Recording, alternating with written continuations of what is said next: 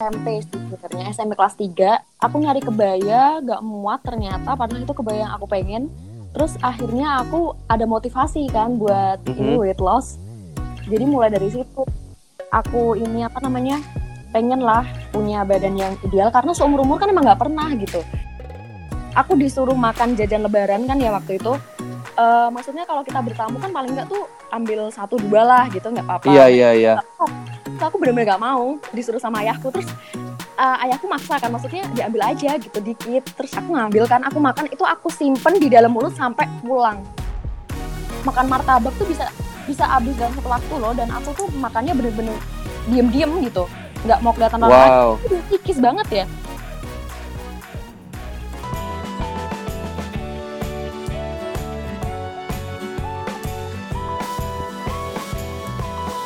Hai, gue Willy Yonas. Selamat datang di podcast Sehat Seutuhnya. Halo semuanya, selamat datang di podcast Sehat Seutuhnya bersama saya Willy Yonas. Di episode podcast kali ini, kita akan highlight sebuah cerita dari seseorang yang dulunya itu struggling dengan berat badan. Mungkin teman-teman di sini juga yang lagi dengar mungkin ada yang struggle dengan berat badan dan mungkin ini akan menjadi motivasi atau inspirasi yang bisa teman-teman dengar. Dan inilah salah satu yang akhirnya membuat bintang tamu kita hari ini mencari-cari informasi tentang kesehatan. Nah, nanti kita akan dive in lebih dalam lagi bahwa ternyata kondisi berat badan atau kelebihan berat badan ini juga ternyata bisa mempengaruhi psikologi seseorang. Nanti kita explore lebih lanjut dan juga akhirnya yang menarik dia menemukan plant-based diet akhirnya yang menjadi salah satu solusi weight loss-nya. Dan sekarang juga dia adalah seorang yang giat olahraga. Sekarang lagi kuliah di Jogja sudah tahun yang terakhir dengan jurusan sastra bahasa Inggris. Jadi tanpa menunda-nunda waktu lagi, saya mau welcome Risa Fibia. Halo. Selamat datang Kak Risa Fibia. Thank you banget ya waktunya sudah mau yes. bikin podcast bareng-bareng. Yes, aku juga thank you karena bisa kolaborasi bareng sama Sehat Seutuhnya. Yes, thank you. Ini cukup lucu juga sih, uh, gimana akhirnya kita bisa kenalan uh, literally aku ngelihat Instagramnya uh, Karisa di Instagram karena ngefollow sehat sutunya dan buat aku tuh menarik gitu karena uh, pas ngelihat Instagramnya terus kayak wah ini kok makanannya plant based semua gitu kan terus sama aku akhirnya di chat kenalan penasaran gitu kan karena aku juga pengen tahu orang yang plant based lebih banyak di Indonesia dan eh ternyata uh, Karisa ini punya cerita yang menarik sekali. Makanya kita mau highlight di podcast kali ini ya. Mm-hmm. Gimana nih aku juga gitu sih waktu itu. Oh iya gimana? Yes, aku seneng banget bisa tahu akun sehat seutuhnya karena yang aku tahu selama ini akun-akun yang berbasis diet atau pola hidup sehat itu nyediain catering. Dan akun sehat seutuhnya ini ternyata adalah akun uh, edukasi untuk ngasih tahu teman-teman gimana caranya untuk bisa sehat uh, secara utuh gitu. Uh, mulai dari A sampai Z itu dibahas. Dan kemarin sampai di mana aku nge DM akun sehat seutuhnya buat nanya uh, mungkin apa namanya ini tuh sistemnya gimana? Dan uh, apa namanya gimana aku bisa ikut gitu kan terus uh, dibalas selesainya kita malah uh, tanya-tanya sama lain tentang plan base, tentang ini itu dan berlanjut sampai kolaborasi saat ini. Begitu. Iya, benar sekali. Dan itu gimana sih akhirnya nemu Instagram sehat seutuhnya? Apakah random aja? Karena mungkin circle ya. Jadi tiba-tiba ini muncul gitu loh di Instagram, muncul di explore. Terus uh, mungkin interestku kan uh, di plan base, terus jadinya muncul yang di aja kayak gitu. Terus oh ternyata ada sehat seutuhnya. Terus aku follow aku lihat-lihat kontennya wah keren juga gitu iya iya iya so somehow uh, kita bisa kenalan dan setelah ngobrol akhirnya ternyata Karisa punya cerita yang menarik banget pengalamannya perjalanannya ke weight loss dan juga health ya ke kesehatan um, by the way kabarnya gimana nih? Di apa di Jogja sekarang dan gimana nih? Di rumah aja udah bosen? Mulai jenuh sih iya pasti. Tapi e, mau gimana pun juga di apa namanya masa-masa karantina kayak gini yang tetap di rumah aja harus tetap menjaga kewarasan untuk apa namanya bisa melanjutkan kehidupan dengan baik misal dengan olahraga terus um, ngasih target-target tiap harinya oh aku harus ini nih contohnya uh, ada challenge-challenge tertentu saat workout atau ikut challenge plan base misal kayak gitu. Jadi lebih make sense aja sih. Betul, betul. Jangan nanti setelah di rumah aja juga malah malah weight gain ya, iya. bukannya weight loss. Itu buruk. Jadi kayak benar benar gitu ya. Kayak nggak sadar gitu lah apa yang dilakuin. Hmm, betul betul sekali. Nah, tadi juga aku udah bilang mention kalau uh, Karisa ini punya weight loss story ya. Mm -mm. Jadi first of all nih aku mau tanya dulu apakah emang mm -hmm. dari kecil mm -hmm. Karisa itu uh, sudah overweight sebelumnya atau gimana tuh? Dari kecil itu aku overweight ya. Uh, terus juga aku nggak sama sekali tahu lifestyle tertentu, maksudnya vegan, vegetarian, terus uh, diet-diet itu tuh nggak tahu karena mungkin ini ya dari kecil aku terlahir gemba apa gempal gitu. Jadi orang tuh lihatnya oh. lucu gitu. Jadi uh, aku weight loss tuh nggak apa-apa gitu. Eh aku weight loss aku, maksudnya aku aku ini apa namanya aku gemuk tuh nggak apa-apa gitu. Jadi nggak ada nggak ada keinginan untuk weight loss atau menganggap diriku overweight tapi sebenarnya aku overweight gitu. Jadi emang kadang justru anak-anak kecil yang ya pipinya tembem lah atau lebih cabi lah ya dibilangnya yeah. Iya. uh, buat orang-orang tuh lucu gitu ya iya buat kayak nggak perlu lah diet diet pas kecil tuh nggak salah kayak makan makan sehat ya udah jajan aja terserah yang peng yang dipengenin gitu iya benar dan nanti buat pendengar sekalian juga setelah podcast uh, Karisa ini saya juga bakal bikin podcast serian tentang weight loss ya lebih dalam lagi mhm. dive in ke sainsnya supaya kita lebih ngerti jadi bakal menarik banget seperti yang Karisa bilang tadi, kalau anak kecil biasanya ya disuruh jajan, makan jajanan, makan aja gitu. Tapi mhm. kalau pola hidup keluarga dari Karisa sendiri kayak gimana sih dulu? Apakah suka olahraga kah? Atau makannya gimana? Tingkat stresnya gimana? Gimana tuh?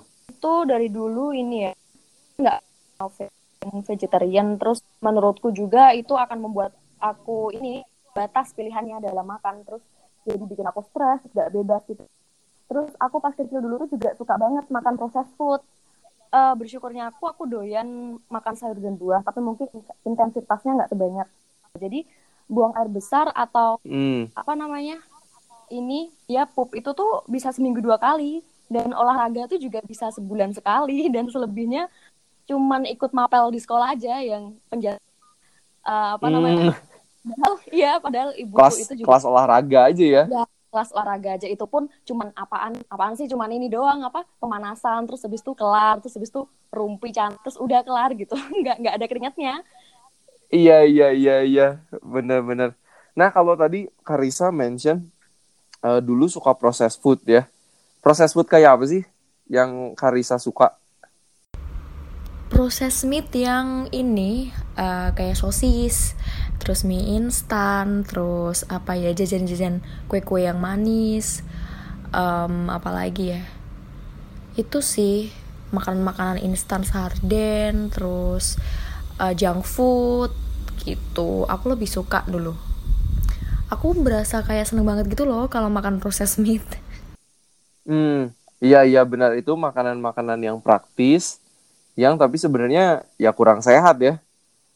Tadi kan Risa sendiri juga mention kalau pas kecil juga kayak oh iya uh, anak-anak kecil kan yang cabi gitu yang tembem. Mm -hmm. suka dibilangnya lucu. Jadi pas kecil nggak punya uh, pemikiran pengen weight loss. Ya nggak nggak nggak. Nah tapi ap, kapan sih Karisa menunjukkan concern uh, waduh kayak kayaknya bagus deh kalau misalnya pengen turun berat badan gitu SMP sih sebenarnya SMP kelas 3 aku nyari kebaya gak muat ternyata padahal itu kebaya yang aku pengen.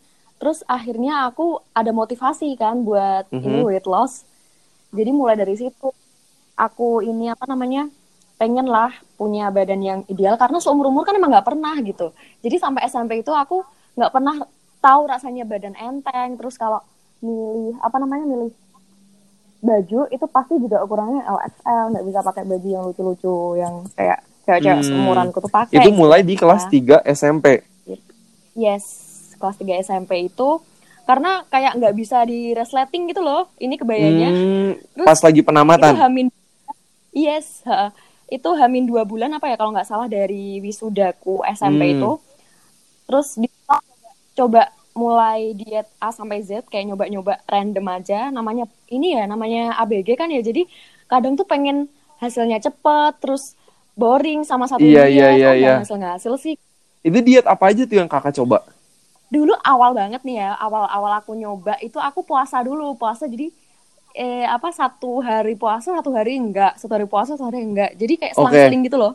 Nah itu. Terus sambil aku itu ini coba lari. Padahal aku emang anaknya emang susah banget buat lari jadi engap gitu loh terus semua badan tuh ini rasanya berat banget Hmm, apa namanya sampai eh, ada waktu juga aku itu mulai ganti piringku. Jadi piring makan itu aku pakai piring yang dibagi tiga bagian itu loh, yang buat Oke. anak kecil. Jadi ada bagian yang paling gede, terus ada dibagi lagi jadi dua gitu kan tiga bagian. Nah yang paling gede itu bagiannya aku kasih porsi buat sayur. hmm. Terus yang paling eh, yang paling kecil agak kecil itu aku kasih pengganti nasi. Jadi aku mulai saat itu juga aku udah nggak makan nasi putih. Jadi aku takut banget sama nasi putih. Oke. Jadi aku gak pakai ubi. Kalau pengen nasi aku nasi merah kayak Hmm. gitu. Terus lauk karena dulu belum plant based ya, maksudnya belum concern ke plant based banget. Aku pakai ikan atau enggak dada ayam, kalau enggak tempe sama tahu gitu. Dan itu dua bulan itu it works gitu. Aku dari 53 53 kilogram, maksudnya 53 tuh lemak-lemak doang Iya. ya, bukan lean. Maksudnya beda. Iya, Beda iya, kan? iya. Iya, Tinggi banget. badan padahal berapa tuh? Tinggi badan aku itu kelas 156 kalau 155 156 deh Oke, oke. gitu terus abis itu ini apa namanya jadi jadi turunnya tuh kelihatan banget pas aku nimbang Aha. terus kerasa juga kan mulai enteng itu eh, pelan-pelan 50 terus 48 terus wisuda itu tuh aku 47 jadi, Jadi sukses awalnya di Di sleting kebayanya. yes Eh, eh, bisa bisa banget. Terus itu aku seneng parah sih kayak apa biasanya tuh nggak nggak nggak bisa kelihatan tulang pipi tuh loh. Hmm. jadi tuh kelihatan terus. Terus habis itu ini collar bones tuh nggak ada terus jadi kelihatan gitu. Karena model kebaya kan kayak kelihatan gitu kan. Iya, iya, iya. kayak gitu. Nah itu akhirnya kalau ngomongin soal diet ya tadi kan akhirnya ganti pola makan tuh banyakin makan sayurnya makan nasinya diganti ubi-ubian kah terus ada protein. Itu dua bulan sukses tuh. Terus gimana tuh? Apakah bisa melanjutkan pola makan seperti itu atau akhirnya kelaparan atau gimana tuh? Nggak bisa dong. Pasti pasti bosan dan aku stressful. Jadi tuh kayak aduh masa aku seumur hidup kayak gini sih? Gitu. Nggak mungkin juga kan. Hmm. terus mulai nyari nyari eh, apa namanya lihat-lihat di YouTube baca kok ada banyak diet ya ternyata ya ada yang OCD itu punyanya Deddy Corbuzier terus juga Mhm. fasting terus eh, pada waktu itu tuh aku ini sih lebih ke defisit kalori. Tapi itu yang parah banget jadi aku janji sama diriku sendiri itu aku harus clean eating. Terus nggak boleh masuk swalayan nggak boleh masuk Indomart kayak gitu nggak boleh. Sekalinya makan, misal aku benar-benar pengen jajan nih ya itu aku benar-benar pantengin nutrition facts-nya jadi aku benar-benar Hmm. perhitungkan kalori yang masuk tuh harus sekitar 400 sampai 600 kalori sehari Hmm. itu strict banget dari yang mungkin kan umumnya 1200 1500 gitu ya Iya. itu tuh cuma 400 sampai 600 doang dan itu bisa Wow. kurang gitu dan dan itu kalau kurang tuh aku seneng parah jadi kayak hore aku bisa bisa makan cuma segini doang gitu gila Dan di saat ini tuh kelaparan banget dong. Iya tapi tuh aku nggak ngerasa nggak tahu kenapa. Jadi kayak ya udah gitu aku malah seneng gitu. Jadi Wow. apa ya alarm alarm tubuhku tuh jadi nggak berfungsi gitu. Aku lapar tapi aku tuh nggak ngerasa lapar lapar gitu. Jadi kayak nggak tahu deh pokoknya tuh eh, kalau aku seneng aja ngelakuinnya tapi padahal tuh aku jahat kan sama diriku sendiri tapi aku tuh nggak menyadari. Terus apa ya waktu lebaran pun itu aku tuh in- ini masih dalam apa konteks yang clean eating tuh tadi ya masih jangka waktu yang sama. Oke. Aku disuruh makan jajan lebaran kan ya waktu itu Eh maksudnya kalau kita bertamu kan paling nggak tuh ambil satu dua lah gitu nggak apa-apa. Iya, iya, iya. Terus aku bener-bener gak mau disuruh sama ayahku terus uh, ayahku maksa kan maksudnya diambil aja gitu dikit. Terus aku ngambil kan aku makan itu aku simpen di dalam mulut sampai pulang. Serius. Aku nggak mau nelen. Wow. itu parah. Itu itu cuman ini loh pada keripik singkong aku masih inget keripik singkong satu doang itu aku nggak mau nelen karena aku nggak mau dia mengotori apa yang sudah ada di dalam diriku. Jadi karena aku kan clean eating kan jadi mindsetku tuh kayak Iya, iya. aku tuh udah bersih gitu. Kalau ada si keripik singkong ini tuh bakalan kotor banget aku gitu. Jadi menodai gitu loh. Terus Wow. yes terus karena jadi kayak berdosa banget kalau makan itu. Jadi kadang nih ya kalau misal aku udah makan karena kadang kan stres terus pengen makan yang manis-manis. Terus habis itu Iya. kalau terus habis itu ngerasa berdosa terus habis itu kayak ngemuntahin gitu loh aku kayak berusaha memuntahkan itu kembali Hmm, dan itu mulainya pas kapan tuh? Pas lagi SMA? itu ya SMA kelas 1 padahal itu aku juga ikut organisasi semacam baris berbaris gitu kan yang fisiknya tuh gila parah jadi Iya. aku waktu itu juga masih sering masih sering puasa padahal sorenya Mhm. lari itu jarak jauh gitu maksudnya terus teman-temanku pada nanya kok kuat sih? Kayak gitu. Terus aku tuh kayak seneng aja jawabnya ya kuat dong kayak gitu. Terus aku masih fit gitu nggak sama sekali pusing muntah juga enggak. Heran sih Hmm. waktu itu kenapa bisa kayak gitu. Terus ini apa namanya eh, aku di sekolah nggak pernah jajan sama sekali nggak pernah ke kantin. Jadi kalau teman-temanku pada ke kantin tuh aku Semua bawa bekal. enggak enggak bawa Jadi bekal. bawa- enggak, cuman air putih. Dan itu Oke, terus kalau teman-teman ke kantin, teman-teman ke kantin tuh aku di kelas. Kalau enggak ini apa namanya kayak eh, mungkin di perpus kayak gitu. Tapi sebenarnya juga nggak nggak mau baca juga sih cuman biar nggak bosen aja gitu. Terus hmm, bingung mau ke mana kan? Maksudnya orang-orang pada ke kantin terus ke mana ya kayak gitu. Iya. ya terus habis itu eh, kalau misal tahu kalau hari itu bakalan berat misal ada fisik ada baris berbaris tuh aku bawanya paling pisang dan itu jarang banget. Biasanya mulai sekolah kan jam 7 ya itu sampai jam lima setengah enam sore plus ekstra kurikuler yang apa baris berbaris itu tuh aku sama sekali nggak ada makanan masuk itu cuman Gak air makan apa-apa. enggak sama sekali itu itu Hmm. sampai akhirnya aku sampai berat badanku tuh 44 yang awalnya tadi kan aku Oh. sudah masih 47 ya terus itu tuh 44 Iya. kilo 44 kilo itu aku udah tinggal kulit sama tulang jadi nggak ada yang namanya gumpalan lemak itu nggak ada Terus kurus banget yang eh, orang rumah tuh sampai takut gitu Hmm. aku ini kenapa? Aku apa? gitu kan. Soalnya kurusnya tuh bener-bener yang sampai tulang pipi apa rahang tuh kelihatan gitu. Hmm. rahangnya kelihatan tegak gitu kan. Terus habis itu aku baru apa ini nih. Aku baru sadar kalau itu tuh aku kayak ada mungkin gangguan psikis kali ya. Hmm. karena aku selalu kalau diriku itu belum sepenuhnya kurus gitu masih gendut gitu. Walaupun terus udah aku 44 kilo. 44 kilogram yes terus habis itu aku karena aku punya target sampai 40 kilogram Wow, oke. Terus gimana tuh ya? mempengaruhi mentalnya gimana tuh? Iya, jadi tadi kan waktu misal aku ini apa namanya di cermin gitu kan ngaca. Teman-teman di sekolah tuh pada, "Ih, ya ampun kok kurus banget sih, kok bisa sih kayak gitu." Terus aku tuh malah, "Hah, kurus dari mana?" Aku bilang kayak gitu. Ini tuh masih gendut tau, aku bilang kayak gitu. Terus ini namanya baju seragam sekolah tuh sampai udah aku kecilin banget kecilnya. Dan mungkin tuh kayak punya anak SD deh kalau nggak salah. Terus ini Aha. Heeh, sabuk sabuk sabuk pinggang itu tuh sampai sampai bisa muter dua kali terus itu tuh sampai benar-benar balik lagi ke ini kepala ikat pinggangnya Wow, sampai segitunya ya?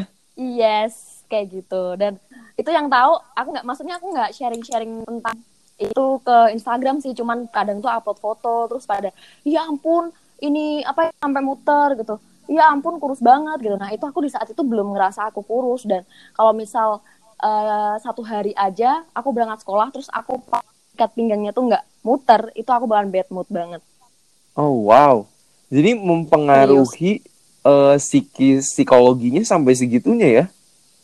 Ya, jadi kayak gimana ini body image sih. Jadi kayak gimana aku menilai diriku gitu. Jadi kayak aku ngerasa kalau eh, kok kayak gini ya aku ya aku nggak bisa menerima diriku kayak gini. Jadi aku harus 40 kilo, aku harus lebih kurus dari ini karena ini adalah kali pertama aku kurus dalam hidupku gitu. Jadi aku nggak boleh nyanyain ini kayak gitu. Hmm. Ada ketakutan untuk rebound untuk balik ke naik Yes, berat badan takut. juga ya? Takut banget banget itu kayak Dan wah, itu itu itu aku takut banget serius terus habis itu eh ternyata karena udah boring kali ya jadi mungkin badanku juga udah capek terus aku tuh pengen ini makan yang mungkin nggak clean gitu loh tapi itu keterusan dan itu aku berubah jadi craving Hmm. aku Terus setelah makan craving itu gimana tuh? Naik berat badan kah atau gila banget naik banget jadi 60 kilo parah ya sih ah Yes. jadi selama ini kayak bener-bener kalori defisit, makan kayaknya dikit-dikit banget, temen jajan nggak mau jajan, tetap Hmm. minum air aja. Sampai satu waktu itu kayak udah nggak tahan lagi gitu ya. Iya bener. Dan itu pasti ada titik titik jenuh. Terus kayak eh, berpikir kalau udah ah kayaknya kayaknya aku nggak apa-apa sih makan makan kayak gini. Pasti juga akan nambah kali ya berat badanku gitu. Tapi tuh makannya yang bener-bener craving gitu loh kayak ngamuk balas dendam gitu. Em, tapi juga nyesel. Jadi kayak gimana ya kayak dilema gitu loh antara aku pengen makan udah makan tapi nyesel tapi harus gimana gitu. Jadi bingung. Hmm, udah stres kan bener-bener. stres juga kan kalau kayak gitu. Terus akhirnya eh aku nggak bisa mengontrol nggak maksudnya nggak banyak gerak juga karena aku udah stres kan. Kalau misal gerak juga udah berat terus jadinya mager karena kebanyakan mungkin kebanyakan gula terus makan martabak tuh bisa bisa habis dalam satu waktu loh. Dan aku tuh makannya bener-bener diem-diem gitu nggak mau kelihatan orang lain Wow. itu udah banget ya maksudnya kayak gitu tuh Hmm, Terus akhirnya aku ke ini apa berusaha consult ke ahli gizi, ternyata ahli gizinya tuh nggak nggak memberikan jawaban yang aku mau. Jadi dia ini oke. apa namanya memberikan eh, apa namanya meal preparation gitu loh. Cuman apa namanya kamu butuh berapa kalori, terus eh, ini Hmm, kamu tiap harinya bisa diganti ini, bisa diganti gitu. Terus udah kan aku aku ngelakuin itu semua sendirian, bener-bener ke rumah sakit juga sendirian, terus ke ahli gizi juga sendirian. wow. Iya, karena Dan ini orang tua tahu nggak tuh pas Nggak. ke ahli gizi? nggak tahu, nggak tahu. Serius nggak tahu. Hmm. Terus setelah ke ahli gizi nggak nggak terlalu mendapatkan solusi, terus Mhm.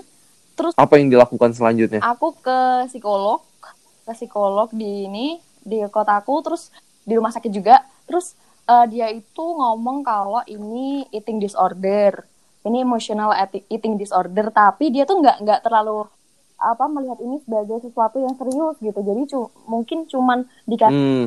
advice oh kamu ini lebih baik mengontrol apa yang kamu makan ini aku udah tahu ya maksudnya iya aku tahu tapi aku nggak bisa caranya gimana Iya, kayak gimana caranya keluar dari siklus ini ya? iya bener banget dan aku dulu ngerasa kayak ya ampun itu lingkaran setan banget aku pasti kalau misal aku balik Iya, iya, iya. aku balik kayak dulu lagi yang strict banget sampai aku apa anoreksia dan memuntahkan semuanya itu juga nanti bakalannya balik lagi ke kayak gini gitu terus Hmm. untuk memulai caranya biar keluar tuh yang aku butuh butuh apa namanya professional help tapi mereka nggak maksudnya aku nggak serak gitu sesuai sama mereka terus akhirnya aku carilah di Facebook grup-grup uh, emotional eating disorder. Terus uh, dapatlah. Ternyata Oke. orang yang juga mengalami hal yang sama kayak aku. Jadi mereka juga ada yang uh, suka craving terus bulimia dan anoreksia. Terus mereka juga Hmm. struggling banget. Terus akhirnya aku chat chat di Facebook sama mereka. Terus aku curhat setiap hari. Aku ngerasain ini nih aku kayak gini gimana ya gitu. Jadi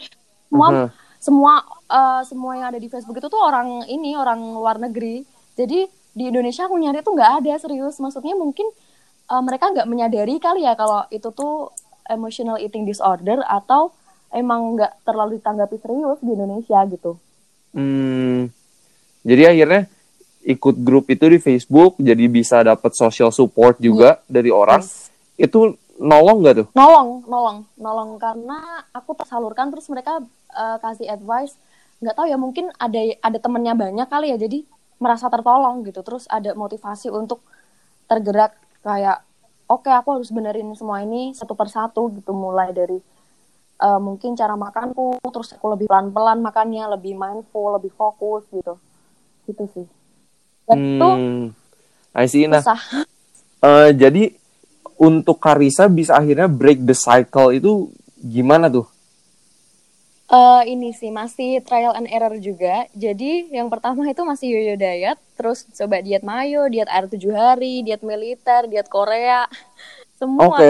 sampai minum shake juga. Itu mungkin kalau dijelasin juga panjang banget karena itu perjalanan sih. Terus olahraga Gak yang dari mulai nge-gym sendirian, senam bareng ibu juga sendirian, itu aku lakuin semua. Terus apa ya? Jadinya itu uh, milih satu hal yang mungkin cocok untuk badan aku karena aku mulai mendengarkan badan aku maunya gimana gitu. Jadi Hmm. lebih ke ya udah sih membatasi kalori, cuman nggak yang strict kayak dulu. Terus juga masih tetap olahraga, tapi juga nggak yang sampai berat banget atau overtraining. Mhm. Eh, juga memin karena kalau misal sampai overtraining ataupun eh, strict banget apa yang dimakan kan jadinya stres kan. Terus jadi aku nggak bisa mengontrol lagi. Terus juga ini tidurnya teratur jam 9 malam, setengah 10 paling lambat. Terus Hmm. jam pagi ini apa namanya bangun terus olahraga kayak gitu. Jadi kayak the whole lifestyle-nya juga langsung dirubah ya. Iya. Terus jadi kalau kayak gitu lebih ini sih aku ngerasanya lebih punya self control yang lebih baik. Dan kalau Hmm. dari makan aja udah dibenerin, lifestyle yang sehari-hari dibenerin tuh kayak benerin urusan-urusan lain tuh lebih gampang gitu. Punya Hmm. kontrol yang lebih lebih gimana ya? Punya kontrol yang lebih oke gitu. Misal mau ngerjain apa tuh jadi nggak nunda, jadi nggak apa ya, nggak males kayak gitu loh. Oke, oke.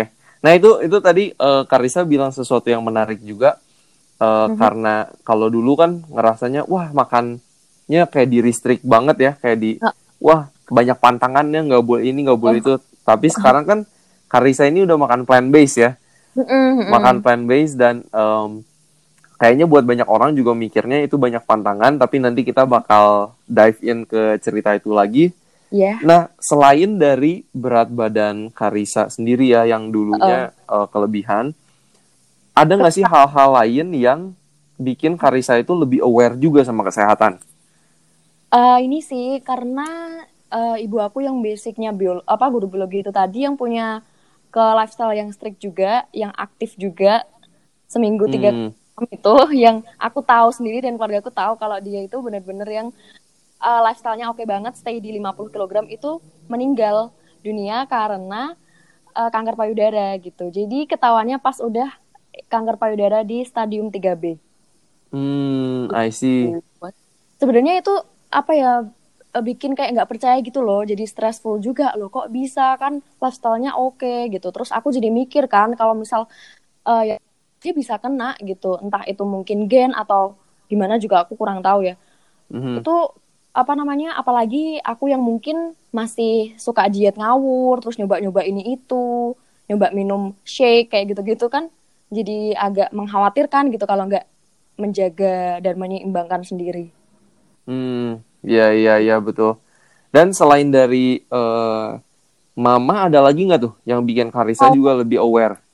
Eh, eh, kalau yang lebih aware itu ini sih. Aku waktu 2018 akhir itu kan aku ini ya dalam masa yang maksudnya aku jaga pola makan, terus juga eh, diet dietnya diet seimbang, yang nggak neko-neko gitu loh, udah nggak yang nyari-nyari kayak. SMP gitu. Terus ternyata aku juga ada ini apa benjolan di payudara kanan yang itu mobile, terus bisa besar kecil sesuai hormon. Jadi waktu mau masa haid tuh makin gede gitu, tapi juga bisa hilang terus bisa muncul lagi. Nah di situ aku bilang ke orang tua, terus akhirnya dioperasi, terus ada pantangan setelah itu kayak nggak boleh makan daging ayam, nggak boleh makan daging merah, terus nggak boleh konsumsi yang dibakar, digoreng yang Hmm, teratai kayak gitu. Itu selama kurang lebih tiga bulan, terus enam bulan kemudian aku cek kayak gitu. Nah pas di awal aku nggak boleh daging itu, aku langsung kayak mikir, aku nggak ini sih maksudnya pengen yang langsung clean aja maksudnya karena aku kan emang udah pernah kena gitu ya dan itu tumor jinak mungkin itu Oke. bisa gen genetik dari ibuku gitu mm-mm. jadi aku masih ada kemungkinan kan buat kena lagi jadi aku nggak mau terus akhirnya ya udahlah sekalian aku nyoba pada waktu itu aku nyoba vegetarian Oke. Eh, tapi kan apa namanya basicnya itu aku emang nggak begitu doyan sama susu dan telur. Aku Mhm. cuman yogurt. Terus terus aku mikir kayaknya kok eh, lebih ini aja ya aku plant based langsung aja karena daging juga aku menghindari. Terus apa namanya produk dairy dairy produk juga aku nggak nggak nggak begitu doyan. Terus ya udah akhirnya aku menentukan kalau ya udahlah aku plant based aja gitu deh. Ternyata waktu plant based itu eh, aku dicek itu aku udah bersih gitu aku udah bersih Hmm, aku lebih fit terus lebih apa ya lebih bisa eh, memandang kesehatan secara holistik aduh berat ya maksudnya Iya iya iya iya.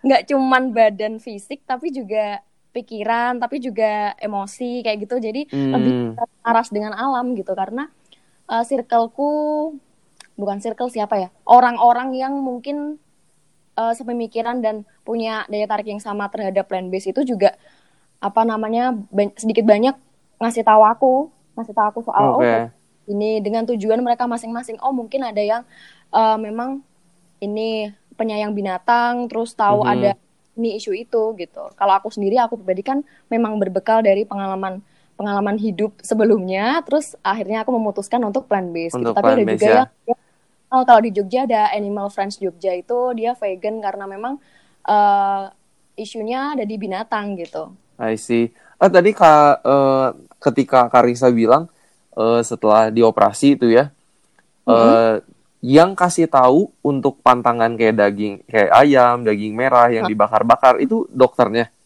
iya dokternya Oke, dokternya wow, that's nice. Eh, Iya. karena ya aku juga ya beberapa dokter juga kayak masih ya kayak oke go ahead gitu kan kayak mau Mhm. makan apa pun masih boleh gitu. Tapi wow, that's nice doctor ya.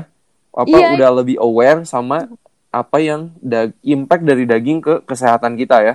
Yes, heeh, heeh. terus ya pada waktu itu juga keluargaku eh, karena ayah juga ada health issue kan di jantung dan kanker tiroid, terus jadi memang udah nggak mengonsumsi daging merah, daging ayam itu paling dada kalau pengen gitu kan, terus Aha.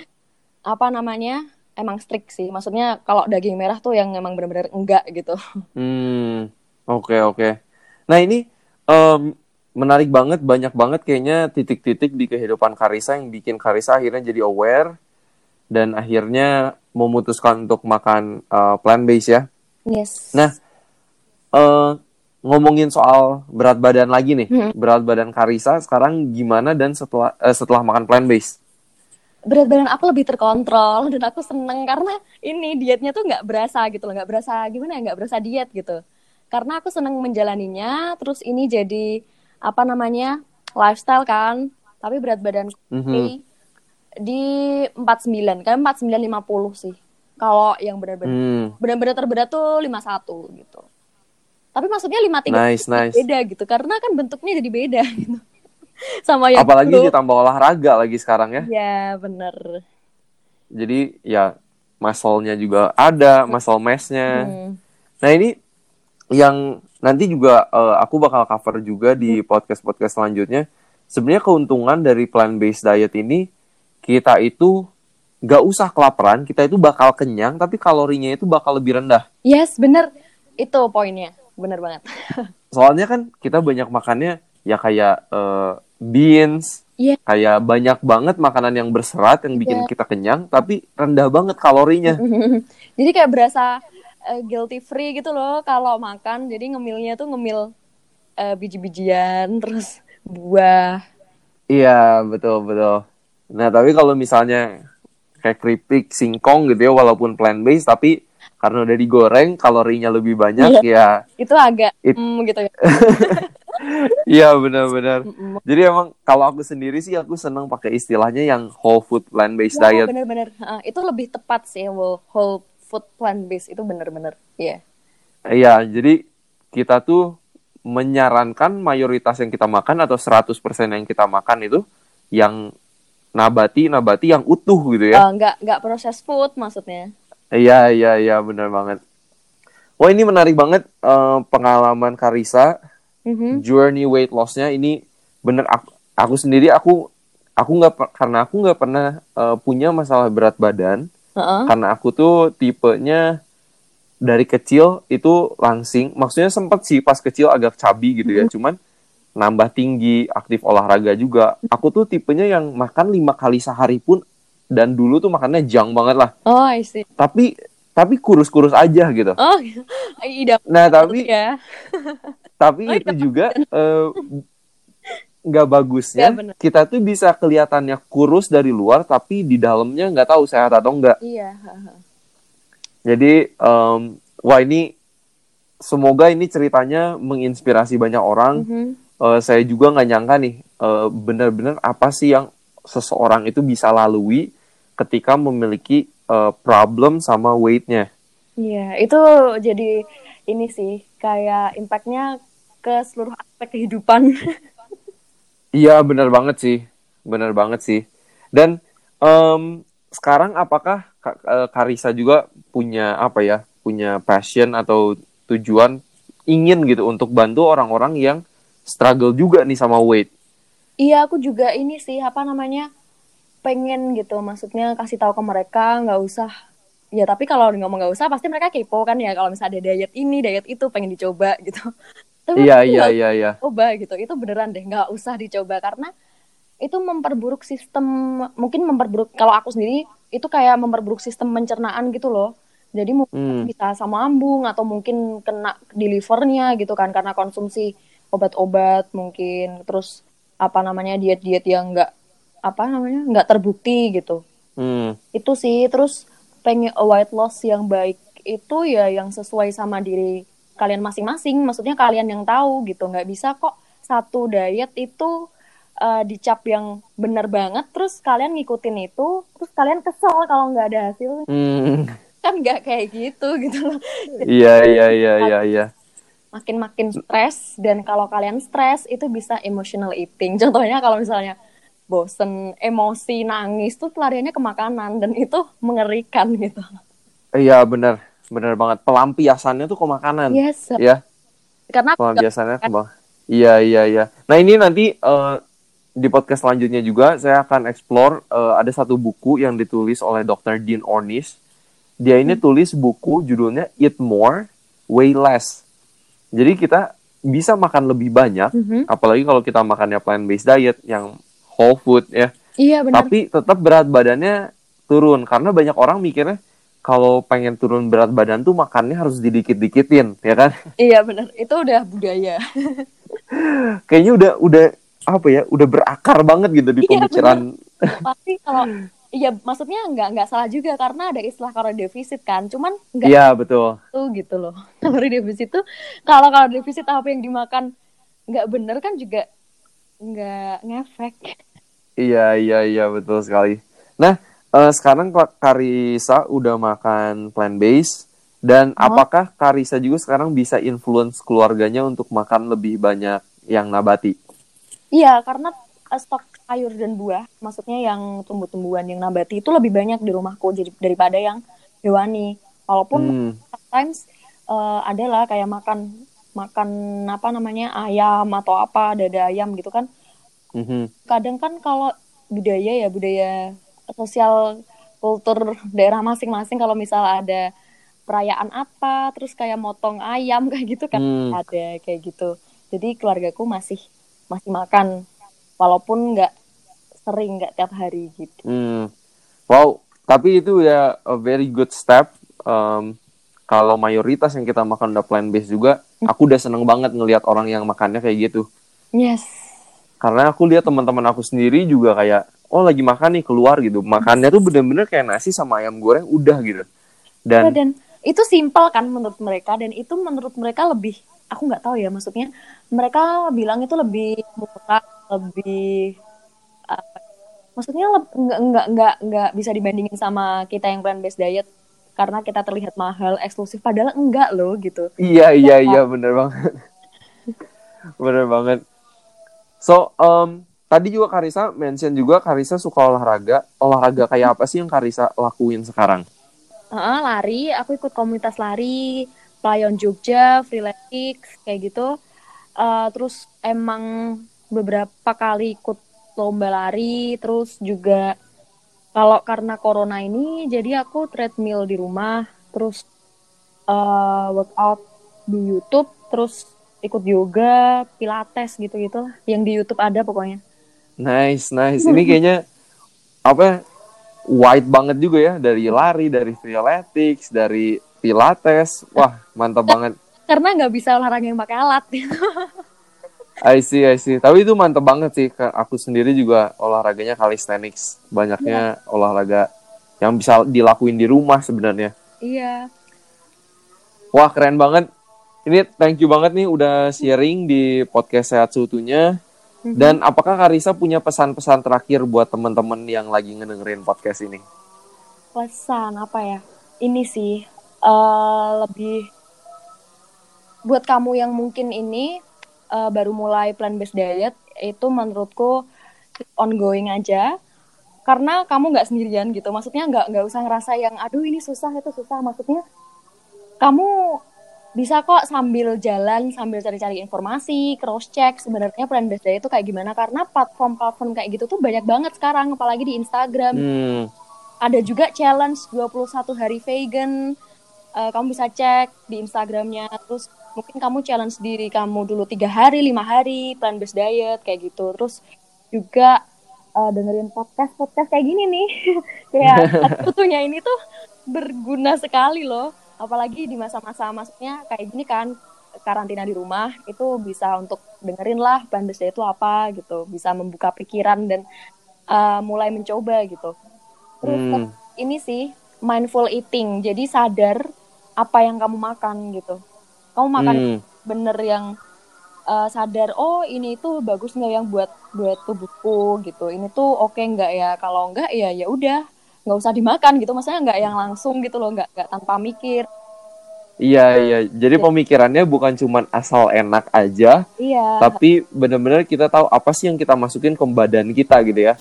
Mm-hmm. Jadi karena emang uh, beberapa orang kan mengang masih menganggap kalau misal kanan tuh bukan urusan yang penting ya, bukan urusan yang vital. Hmm. Jadi ya udah, uh, kan aja. Apalagi plan based diet kan mungkin untuk beberapa orang juga ya tadi kembali lagi penilaian yang mungkin asing lebih lebih ke barat-baratan atau apa namanya yang kemarin itu survei Instagram kan karena aku udah kasih apa namanya uh, polling di Instagramku yang hashtag men mencoba plan base ini 76% hmm. ngomong kalau ini tuh susah dan uh, pada ngomong aduh susah ah, nanti dulu aja kayak gitu. padahal Padahal padahal kalau mereka juga mau mendengarkan podcast ya seutuhnya, contohnya maksudnya, uh-huh. itu uh, sedikit banyak punya, maksudnya mereka akan tahu oh ternyata plan base itu murah, oh ternyata plan base itu nggak yang kebarat-baratan juga gitu. Plan base itu bisa dikombinasikan sama apa yang ada di sekeliling kita, yang bahan-bahan lokal, yes, yang yang simple bahkan itu bisa apa namanya menghemat waktu apa um, uh, meal food preparationnya tuh lebih sebentar gitu daripada kalau harus yang makan berat ya apa maksudnya nggak plan based gitu. Hmm. Oke okay, ini uh, thank you banget Karisa udah sharing di sini. Semoga ceritanya ini menginspirasi banyak orang, terutama mungkin buat teman-teman yang lagi struggle sama berat badan. Jangan putus semangat. Dan setelah podcast ini kita juga akan rilis beberapa episode mengenai weight loss dan juga weight management. Jadi stay tune dan buat teman-teman semangat itu untuk cari jalan keluar terutama dari cycle uh, psikologinya itu ya.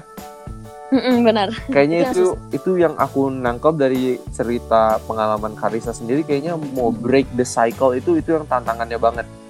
Mm-hmm. Tantangannya banget. Jadi tetap semangat, jangan putus semangat.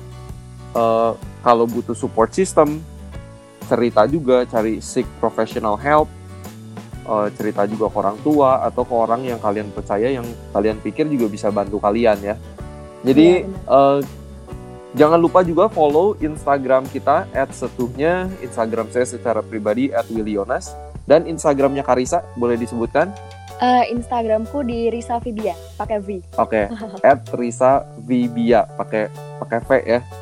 Iya benar. Oke, okay, jadi kalau misalnya kita sehat seutuhnya sebenarnya kita open banget kalau ada yang mau tanya-tanya pertanyaan nutrisi boleh chat kita di Instagram kita akan jawab dan semoga podcast ini menjadi berkat dan harapan saya seperti biasa supaya kita sehat seutuhnya.